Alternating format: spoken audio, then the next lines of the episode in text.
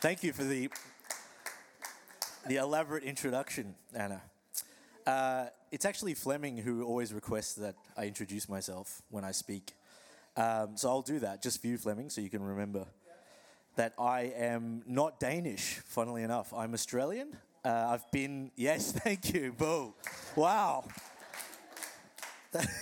if that's the, the, the, atmosphere here tonight, we're off to a good start. Um, so, uh, yeah, so I'm Australian. I've been coming to the church here for about six years. Love this place. So blessed to be a part of this community. Uh, I generally come at night, so I recognize most of you, but if you're new or I don't know you, then yes, I am Ben, and I'll be doing it in English tonight. So, I wanted to update you on a little milestone in my life. I mean, people have different major events in their lives. They they get married, they buy their first home, they get the family dog, they have their first child, some do, some have a second child. And I want to introduce to you my big moment, which is I am the proud owner of this cactus. Yes, thank you. Yeah.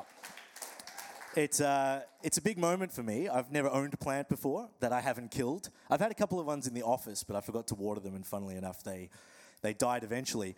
But the cactus I thought was the indestructible option. I thought this is bulletproof. So I went hunting for a cactus. Did you know there is a, a shop on Jægersborggade that's 100% dedicated to selling cacti? Isn't that incredible? I'll tell you why it's incredible because when I went to buy it, I asked the woman, what's kind of the secret that, you know, look, I don't exactly have a green thumb. I've got a bad track record as a plant serial killer. What's, what is the secret tip to make, and she, she turns, leans into me and she just goes, look, you know, I'll let you in on a secret. It's so easy. You just need to give it lots and lots of sunshine. And I'm like, we're in Denmark. Like, we're going into winter. Are you serious? What am I meant to do? I had a panic attack. Anyways, I carried it home with me, put it up in my uh, balcony area. This was September. And uh, I thought, okay, it's fine. We've got a couple of months, good weather still. We'll be fine. We'll get through this cactus. Uh, three days later, they put up scaffolding over our entire building. Uh, to do work on the roof. So my cactus was in darkness along with me for about four months and then we had the rest of the winter. But I just wanted to report that this is this morning. My cactus has had some sunshine. It's looking, if I do say so myself, quite amazing. We've survived the winter together. Um, so the cactus got me thinking about seasons and how much I love seasons in Denmark, particularly those long winters. Um, springtime, coming out into springtime, actually seeing the sun for the first time in five or six months. So the cactus has kind of inspired me to dig a little bit into, uh, into scripture and see what God's perspective is on seasons in our own lives. Before we go any further, I thought we could pray and then we'll kick off. Dear Lord, thank you that you've gathered us here today. Thank you for such a beautiful day where we can enjoy sunshine and spring weather. Pray that you'd speak to us tonight, Lord. I ask that you would speak personally to each of us, wherever we're at, whatever season we find ourselves in, Lord. I ask that you would share something new about who you are and, and what you want for our lives. I ask that we'd be receptive to that and uh, that we, we, might go away this week uh, with a new word, a new inspiration in our hearts. In your name, amen. So, um, I want to talk today about uh, seasons because I think seasons are something that we can we've all experienced, not just of the weather variety, but seasons come and go. Seasons that affect our relational lives, our financial lives, our careers, um, our health. Things are constantly running in seasons, and that can be really difficult at times. Um, but God has a plan that actually supersedes anything that's seasonal here on earth my experience of seasons in Denmark was this. When I arrived in 2007, uh, that was Roskilde Festival. Was anyone at Roskilde Festival in 2007?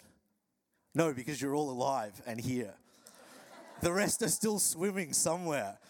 It was a disaster. I, I was, I remember I was backpacking uh, from Australia up to Denmark, And uh, I'd planned it so, okay, I'm planning it very meticulously over six months so that I'll arrive in Denmark uh, at the right season, summertime.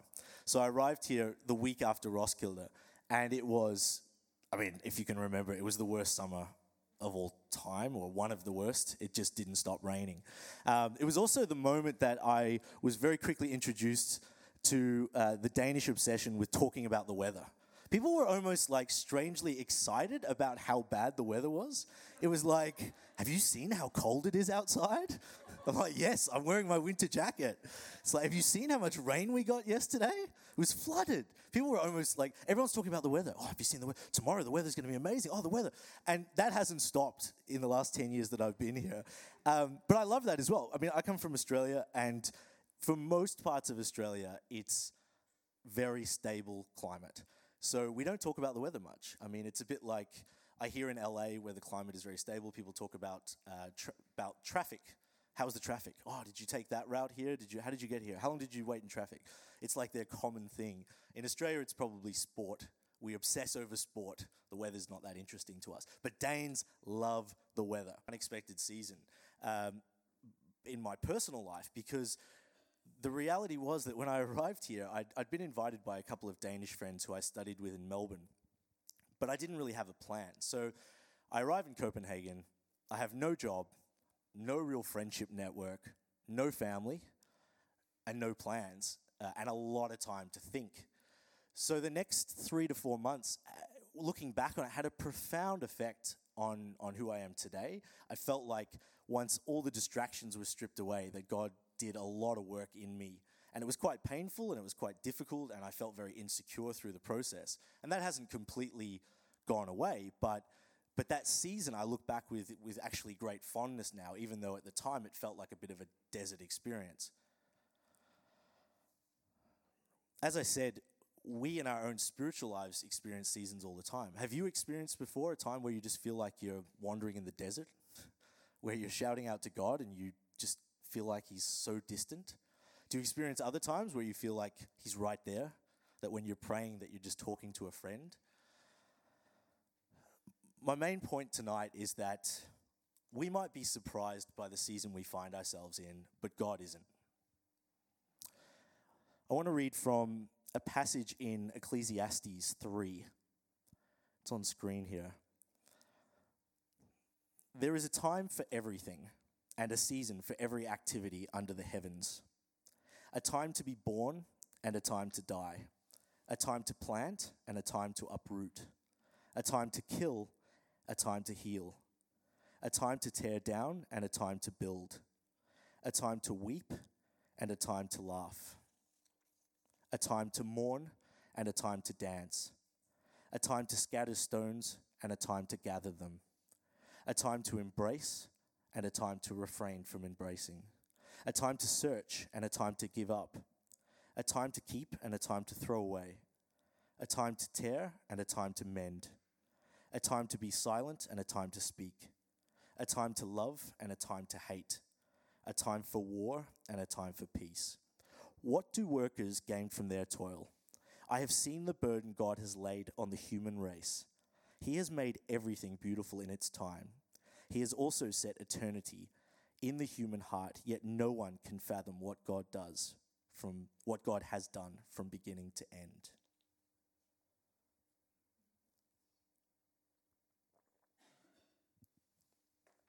It's a, um, I don't know about you, but when I read that passage, I find that to be quite um, intimidating, maybe is one of the words. It's very much reaching out at you and making some very bold statements, and some things that aren't that enjoyable to look at. I don't want to be reminded that I'm going to die, but it starts out with a time to, you know, a time to be born, a time to die. Um, to understand this this passage better, I think it's important that we we look at who wrote it, and that was Solomon son of David, a guy who had everything at his disposal. And beyond that, he had wisdom, so he had really good perspective. Now, when he starts writing Ecclesiastes, I just want to read in the first chapter, his very first words in the book of Ecclesiastes are literally this is what he says meaningless, meaningless, utterly meaningless. Everything is meaningless. It's very motivating, isn't it? It uh, would have made him really popular in his day, I'm sure. just walking around saying that. I mean, he he's just in utter despair at this point. By chapter 3, where we read this passage, it's almost as if he's recalibrating his thinking from, okay, life sucks and it's really hard, but somehow we can actually overlay God's plan and things look rather different. He understood that there are good things in life, but the bad things can't be escaped. He writes, To everything there is a season, a time for every purpose under heaven. There's this poetry in this list, all of these different seasons, facets of life. It's beautiful, yet it also has a dark tinge to it. It reminds us of the inevitable, relentless monotony of seasons. Have you encountered that before? Where you just feel like seasons are just spinning, you're just going through the motions? Solomon can totally relate to that. But there are three points that I'd like to highlight from the text that I think take us kind of beyond that thinking of just despair, where Solomon finds himself in his wisdom, having wrestled with God and coming out the other side. My first point is um, seasons are unavoidable. I think if anyone was to tell you otherwise, they'd be lying.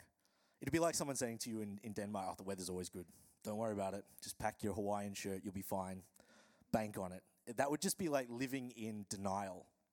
We all go through seasons all the time. The interesting thing that I find is that if you look around at culture, a lot of what the media and often social media and everything around us is telling us that, oh, you can, if you're not happy, cha- make a change. You can control your own happiness, you can control your own season. It's up to you. Not feeling inspired? Just read that book that you should get. Not feeling that you like your job? Find another one tomorrow. Not happy? Book another holiday. Have something to look forward to. There's this constant vacuum, this idea, you know, Amazon, like Amazon's great, but Amazon, the online, you know, service is essentially has built itself on the fact that at an impulse, if I'm feeling lonely and bored at 10 o'clock on a weeknight, I can go online and just buy whatever I want. and I can have it shipped and delivered the next morning to make myself feel, oh, wow, cool. I've got a new watch coming my way. You know, it's, it's this idea that we have constant distraction. But what Solomon's getting at here is no, no, no, that's not how it's going to be. There are certain realities to life, there are certain rhythms that are unavoidable.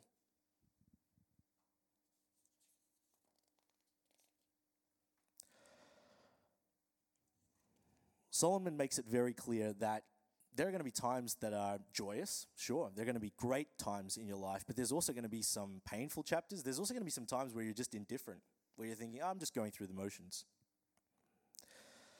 The key is that you're not really in control of the season that you're in. God knows about it and He cares deeply about us throughout our seasons, but it's not something that you can control yourself. And don't try and ignore it. I mean, that was the worst thing that you can do. It just makes me think of those guys that just go around training in shorts and t shirts in the wintertime. You know, those people that it's just like, are you just trying to pretend it's summertime? It's the middle of winter, it's snowing. Put some long pants on. Anyways, that's just a personal issue I have with some people, but but I just feel like it's this denial that like, oh, okay, you know, it's March, it should be warm. I'm just wearing my, I'm cool, I'm cool. It's like frost developing on their hair. Seasons are inevitable. Point two seasons reveal our character and also that of God's. Um, both my parents come from farming families in, in Australia, uh, and that's generational all the way back to, I guess, when our ancestors stole a loaf of bread and were sent to Australia from England at one point. Uh, we haven't gone that far back in the family tree, probably out of fear. But all of my all of my ancestors have been farmers, and they settled in an area of South Australia which um, is actually described as marginal land. Uh, marginal land means you can farm there, but good luck. You might get some crops, you might not. It's borderline desert. So they have farms the size of Amager or slightly bigger. So they're big, big properties out there. And my dad used to always describe growing up on the farm um, as being an experience, a true, a true test in one's character. The fact that you would go out, you would sow the crops, so you would plant all the seeds for the wheat fields in huge properties. So you'd, and this was prior to there being great tractors available. I'm sure it's changed a lot now, but it was very manual and intensive labor. And you might spend two months sowing the seed. And then in this particular part of Australia, you would wait, and then there would probably only be a window of about three, three or four weeks where if it rained, fantastic, you'd get a great crop. If you didn't get those one or two rains that you'd hoped for, it would just burn off the plants and you'd start again the next year. I've all, often thought about that because my dad and my mum, who also grew up on a farming community, they have that sense of perspective, and I just don't think you can cheat it. I think, you know, it's of people who have sat in the middle of a field hoping for rain, seeing sometimes that it came, seeing other times that they were disappointed, but going again the next year and the next year and the next year. That sense of resolve. Seasonality builds resolve, capacity to move on, capacity to maintain momentum in spite of disappointments. We are constantly being shaped by seasons. Our character is being formed. I once heard a very successful businessman uh, from Stockholm who built up a, a, mini media empire up there. He was speaking at a small uh, to a small group of us, and someone asked him straight up from the top, like, "Look, we'd have very limited time. We just want to know what's your formula for success." and he just kind of got up and smiled, and he just said, "I learned nothing from my successes." And then he just stood there in silence. I just thought that was so profound. It's just utterly profound. I've learned nothing from my successes.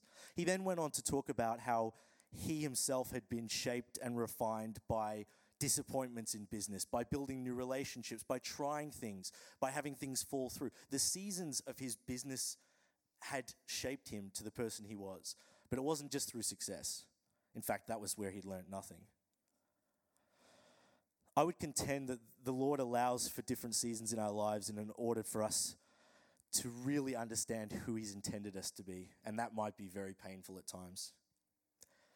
He uses His seasons to reveal His goodness and His faithfulness.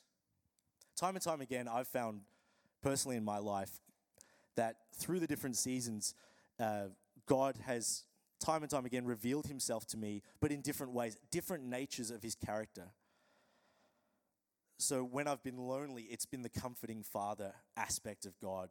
When I've lost all perspective, He's been the guiding wisdom in my life.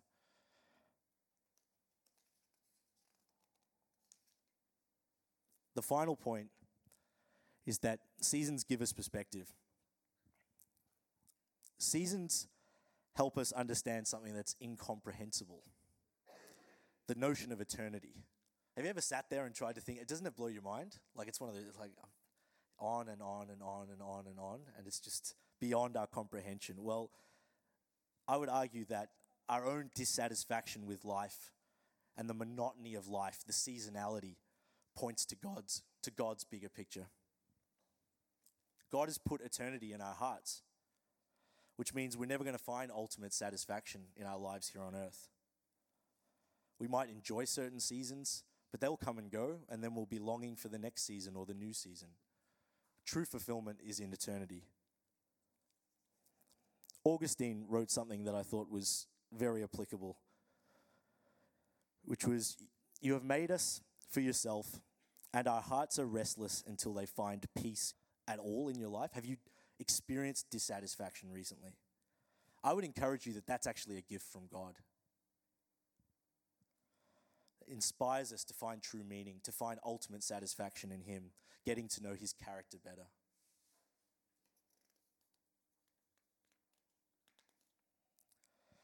There are words from Isaiah that I find most encouraging when we're looking at having a God view of the master plan.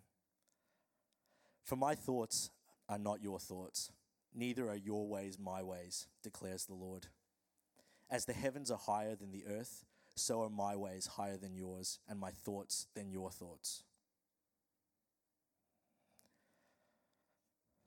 My thoughts are not your thoughts. Thank goodness sometimes. Man, I've screwed it up a lot. I thought I had the right plan, I thought I was going in the right direction, and under God's grace, it's, it's changed, and, and He's intervened in, in an amazing way. And my prayer would be that that you experience God's intervention in whatever season you're in. Again, you might be surprised by the season you find yourself in, but God is not surprised by it at all. As I was um, preparing for tonight, I felt that God laid on my heart three seasons, um, distinct, different seasons that you may find yourself in one of them. Um, and I just wanted to encourage slash challenge you in, in, each of these seasons. So I just encourage you as you're as you're listening to description of these seasons, see if you identify with it, see if it's something that you feel is spot on, um, and maybe take away with you the the encouragement that comes with it. The first is uh, the storm. Oh, the storm. You feel like things are going up and down. You may be struggling internally. You may be struggling externally with relationships um, that are falling apart. You might feel that things are just not working. Anything you touch seems to break. You might feel that you just have very little control in your life. Well, I want to encourage you that resting can be an act of faith. The passage in uh, Matthew 8, where Jesus is on the water with the disciples, and uh, he's having a nice sleep. A storm arises. The disciples freak out. They wake him up and say, What are you doing? Why are you sleeping? Jesus responds, Do you think God is going to let the boat sink with me in it? That's profound. Um, yeah. I mean, I feel like God's saying, Don't worry. Remember, I'm always with you. I have the perfect timing in hand. Don't freak out. My encouragement to you would be not to panic, just to actually rest in Him. That act of faith could be a, a major milestone in, in your relationship with Him. You don't actually have to do anything, He's got it all under control. The second season, somewhat happier one, which I hope some of you have experienced in your time, and I don't know whether you're there at the moment, is spring. The spring. You find yourself in a productive season. You have a surplus, an overskud. You are seeing fruit in your life and the lives of those around you. These are great seasons. Have we all had this season at one time or another? I hope you have experienced that. Unfortunately, they don't always last, but they are a wonderful season to be in. My challenge to you, if you can identify with this season, my, my challenge would be what are you going to do about it? How will you step out and be a blessing to others? It's, it's a great time. It's, you're out in the sun. You feel like you're just enjoying the warmth on your face. You know, it's, it's a very lovely, leisurely experience. But throughout the Bible, the challenge from Jesus is okay, you've experienced that. Now, who are you going to tell about it? How are you going to bless others? We are blessed in order to be a blessing to others. Will you do what Fleming mentioned a couple of months ago? Radically, do something radical and practical, like open your home up. Invite friends over for a meal. Be deliberate about relationship with others, with your neighbors. Do you know your neighbors? Is it an opportunity for you to speak into their lives? Mentor someone. Have you considered spending an hour a month to meet up with someone and see how they're going and invest in them. Capitalize on this season. It won't last forever, but you have a role to play when you're in it. The final season, a bit more of a tricky one. It's the fog. If you were asked to consider what season you're in and you honestly don't know, the chances are you might be in the fog. You lack clarity. You feel like you can't see beyond your immediate circumstances. In some ways, you feel like you're maybe in a transition period or, or the opposite, a frustrating loop that's just going around and around. Things are hazy, you're lacking clarity. I want to encourage you that God is big enough. He actually loves, my experience is, He loves it when we talk to Him, shout to Him, wrestle with Him, He's big enough. Believe me, He can handle our complaints, He can handle our dissatisfaction with the season we're in. And my encouragement to you would be know Him better through the process, ask for clarity. He's absolutely big enough to handle this situation.